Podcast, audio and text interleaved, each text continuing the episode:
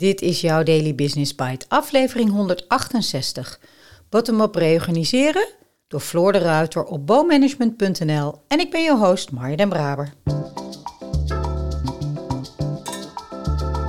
Je luistert naar Daily Business Bites met Marja den Braber, waarin ze voor jou de beste artikelen over persoonlijke ontwikkeling en ondernemen selecteert en voorleest. Elke dag in minder dan 10 minuten.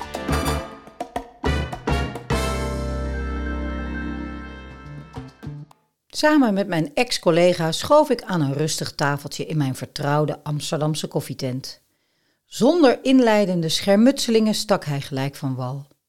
Wat een klote streek van HRM om me zo af te serveren. Alsof het mijn schuld is dat die buitenlandse investeringen verkeerd zijn gelopen. Heb jij die brief ook gehad?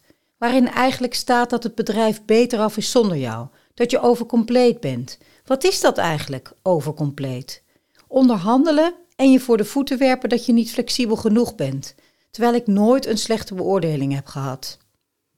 Er zit een verfrommeld mens tegenover me, waarmee ons bedrijf sinds het begin van de laatste reorganisatie alleen nog via formele documenten communiceerde, alsof hij inderdaad de schuld was van de ontstane problemen.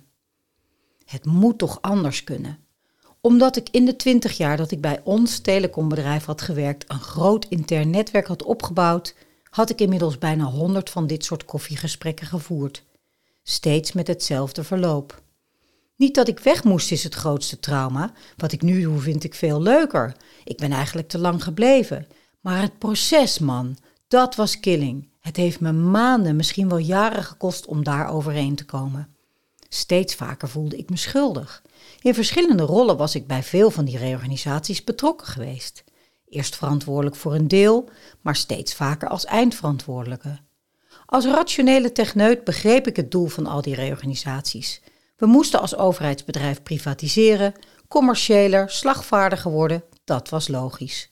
Maar het honderdste koffiegesprek plantte een zaadje. Veranderen is vaak nodig, maar het moet toch anders kunnen, zonder al die individuele frustratie. Vooral omdat bijna iedereen blij leek met ook het persoonlijke resultaat. De vraag van een lokaal bankkantoor dat meende van 100 van de 250 medewerkers af te moeten, leek de ideale gelegenheid om mijn verlichte ideeën op tafel te leggen. Bevlogen legde ik aan de complete vestigingsdirectie mijn radicale aanpak uit. Dit was een prachtige vraag om met alle medewerkers te gaan bespreken. Medewerkers zouden vanzelf tot de juiste conclusies komen en een substantieel deel zou hun weg vrolijk ergens anders vervolgen. Functie elders avant la lettre. Terwijl ik vertrok zonder opdracht of zelfs maar een vervolggesprek, hoorde ik door het open raam hoe ze elkaar in amicale sfeer op de schouders sloegen van het lachen. Ik ving flarden op met kalkoenen en kerstdiner. Ik begreep dat ik mijn verhaal nog wat moest bijpunten om hiermee ook ergens aan de slag te kunnen gaan. De afgelopen tien jaar vonden we gelukkig steeds meer en grotere organisaties om een nieuwe manier van reorganiseren, van veranderen, te verkennen en ontwikkelen. En wat ontdekten we? Dat het niet alleen kan, maar dat het verbluffend betere resultaten oplevert.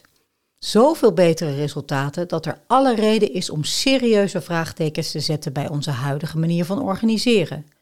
We kregen plotseling onverwachte uitbarstingen van collectieve wijsheid te zien en moeiteloos vrolijke implementatieprocessen. Want wat is er leuker dan zelf of met elkaar je eigen toekomst vorm te geven? De uitkomsten overtroffen steeds onze hoogste verwachtingen. We ontdekten ook dat de dynamiek en de successen binnen bedrijven nauwelijks afweken van die in publieke systemen, dat ze eigenlijk bijna hetzelfde zijn.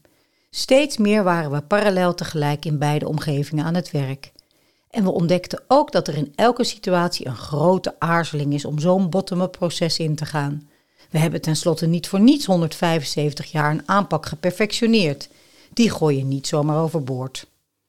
In het boek Bottom-up nemen we stap voor stap onze ontdekkingen en leerzame lessen door, om ze ook te kunnen toepassen op organisaties die niet op de rand van de afgrond staan. Want dat was toch wel het gemeenschappelijke kenmerk van de plekken waar we aan het werk mochten gaan. En tegelijk zien we het aantal organisaties dat misschien niet wil, maar wel nodig moet veranderen toenemen. Kortom, aan de slag. Daily Business Bites met Marja Den Braber. Je luisterde naar Bottom-up reorganiseren door Floor de Ruiter. Ook Floor was benieuwd wat mij aansprak in dat artikel om er een podcastaflevering van te maken. Nou, wat dacht je van alles, Floor? Ten eerste een gevoel van herkenning. Mijn start van mijn carrière was bij de zusterorganisatie van diezelfde telecomreus waar Floor na honderd gesprekken wel een beetje klaar was met deze aanpak. Maar ook een gevoel van, yes, zie je nou wel dat het kan? Hij doet het gewoon en het levert echt ultieme resultaten op. Wat dacht je van collectieve wijsheid en moeiteloos vrolijke implementatieprocessen? Daar word ik instant vrolijk van.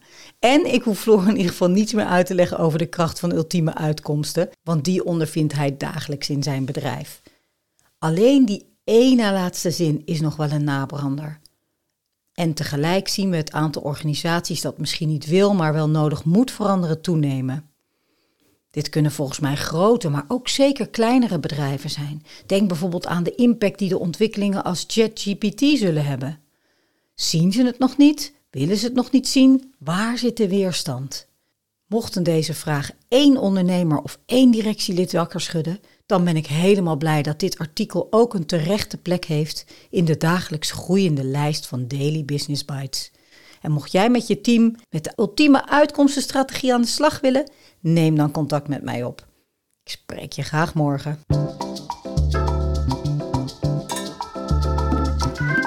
Was Daily Business Bites. Wil je vaker voorgelezen worden? Abonneer je dan op de podcast in je favoriete podcast-app. Meer weten? Klik op de links in de show notes.